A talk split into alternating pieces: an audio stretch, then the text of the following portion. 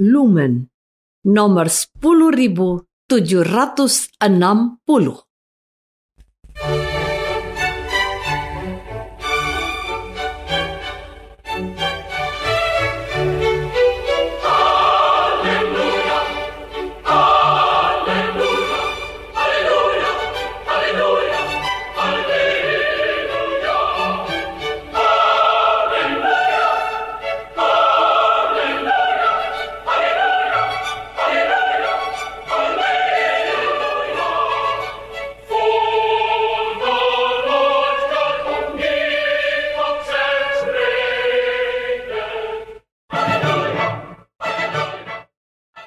Saudara pendengar di segenap penjuru tanah air, selamat bergabung dengan Lumen Indonesia. Lumen Indonesia siap melayani Anda setiap hari. Saudara terkasih, marilah kita bersatu dalam Tuhan kita Yesus Kristus yang tidak berubah dahulu, sekarang, dan selama-lamanya. Allah Sang Maha Rahim mengasihi dan menerima sebagaimana adanya kita Allah Bapa kita di surga senantiasa bersedia menolong, menghibur, dan meneguhkan kita dalam menghadapi segala permasalahan hidup sehari-hari.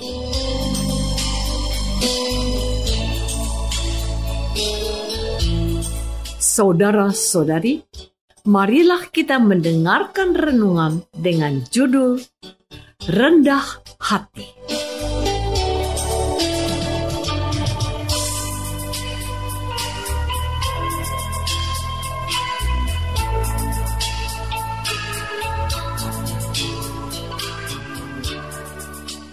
Yang berdasarkan pada Injil Markus bab 3 ayat 11 dan 12. Bila mana roh-roh jahat melihat Yesus, mereka langsung jatuh tersungkur di hadapannya dan berteriak, Engkaulah anak Allah. Tetapi ia dengan keras melarang mereka memberitahukan siapa dia.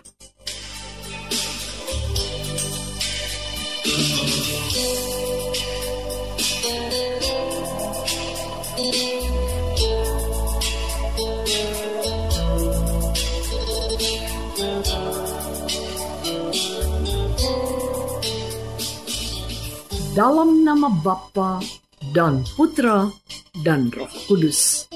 Amin.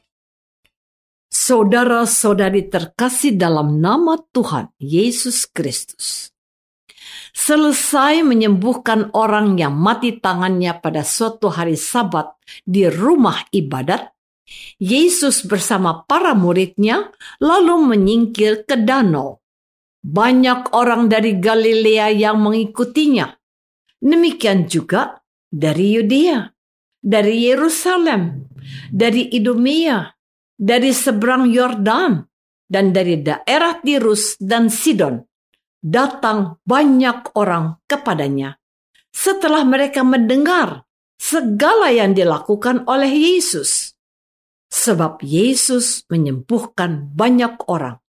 Sehingga semua penderita penyakit berdesak-desakan kepadanya, hendak menjamahnya. Yesus lalu menyuruh murid-muridnya menyediakan sebuah perahu baginya, agar jangan sampai orang banyak itu menghimpit dia. Maka dapatlah kita bayangkan betapa banyaknya orang sakit yang menaruh harapan untuk dapat disembuhkan oleh Yesus.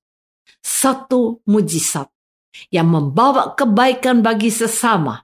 Dan dengan begitu Allah dimuliakan, menimbulkan efek seperti snowball atau seperti bola salju yang menggelinding, yang terus membesar dan semakin cepat gerakannya.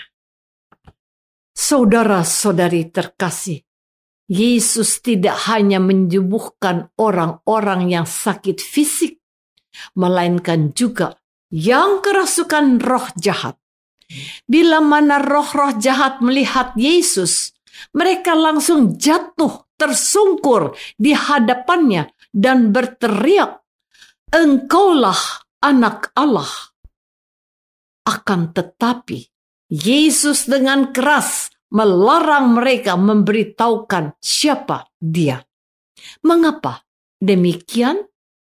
Yesus rupanya tidak ingin orang banyak memuliakan dia.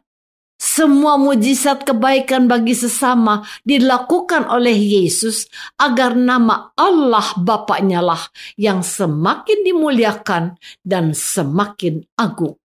Sementara kebanyakan kita sering kali tergoda untuk merasa besar dan layak menerima pujian setelah melakukan kebaikan bagi sesama. Meski pada awalnya kita beritikat melayani sesama demi kemuliaan Allah. Pun, ketika hati kecil kita menegur dan mengingatkan agar kita sebaiknya tetap rendah hati setelah berbuat baik, belum tentu kita dapat sungguh-sungguh rendah hati. Saudara-saudari terkasih, adalah seorang profesional yang mudah tersinggung saat ada orang yang membantah omongannya, mempertanyakan akurasi tindakannya, ataupun sekedar bersikap netral tanpa memberikan dukungan spesifik.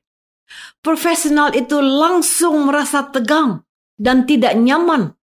Nafasnya jadi lebih cepat memburu. Nada suaranya refleks meninggi. Ia seperti marah kepada lingkungan yang tidak mau langsung tunduk mengikutinya.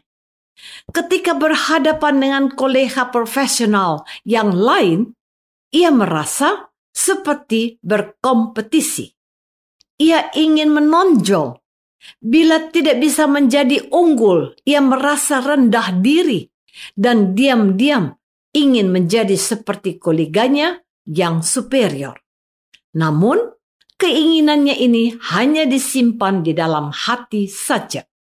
Ia tidak menyatakan dukungan secara terbuka kepada koleganya itu. Kondisi batin sang profesional ini bertegangan tinggi.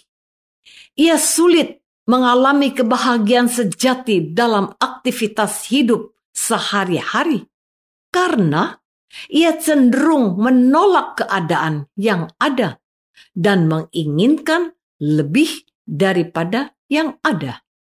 Ia merasa layak dan pantas untuk mendapatkan yang lebih baik daripada yang ada. Ia ini tinggi hati. Saudara-saudari terkasih, kebalikan dari sikap profesional tersebut. Asistennya menunjukkan sikap yang rendah hati ia menempatkan diri bukan sebagai orang pertama, melainkan sebagai hamba. Ia berbuat kebaikan dengan segenap daya, bukan untuk kemasyuran sendiri, melainkan untuk keutamaan tuannya. Ia tidak merasa rugi dan takut dimanfaatkan oleh tuannya. Ia juga tidak silau dan menginginkan hak tuan yang tidak dimilikinya. Ia menaruh hormat pada apa pun yang ada dan bersyukur penuh atas apa pun sebagaimana adanya. Terhadap asistennya ini, sang profesional sungguh-sungguh menghargai keutamaannya. Namun, hanya di dalam hatinya saja. Karena di samping mengakui keutamaan dari asistennya, ia sendiri juga merasa kalah dan kurang baik jika disandingkan dengan asistennya. Jadi, alih-alih berterima kasih atas sikap penambahan asistennya tersebut, ia malahan menunjukkan sikap kritik berlebihan untuk menjaga posisinya tetap di atas dan posisi asistennya tetap di bawahnya asisten yang rendah hati, tetap tulus, dan utuh melayani. Ia tekun berdoa bagi tuannya, sehingga lambat laun tinggi hati tuannya luluh menjadi lebih rendah.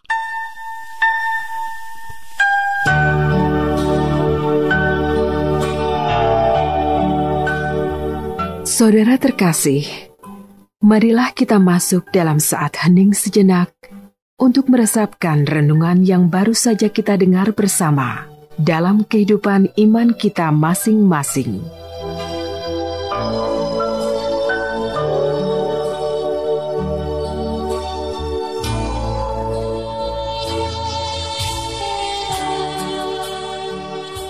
Maukah saya menempatkan diri sebagai hamba dan sesama sebagai Tuhan?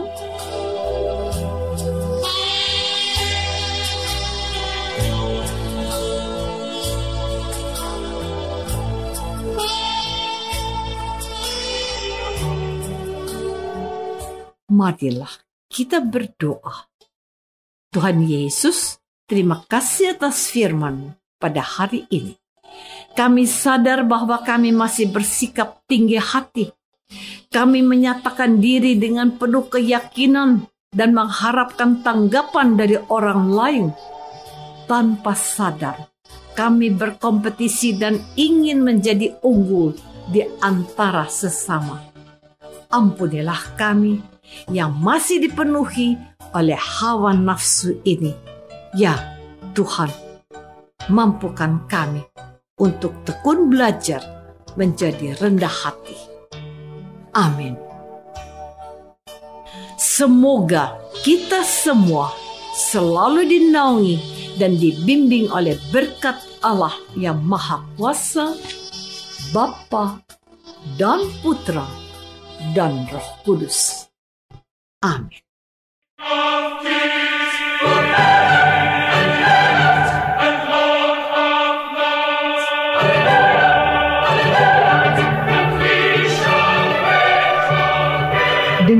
Kasih dan sukacita, Lumen Indonesia mengundang saudara-saudara seiman di segenap penjuru tanah air. Sekiranya ada tanggapan ataupun saran, kirimkan surat Anda ke Lumen Indonesia. Terima kasih atas perhatian Anda. Sampai berjumpa lagi dengan Lumen Indonesia pada waktu dan gelombang yang sama esok hari.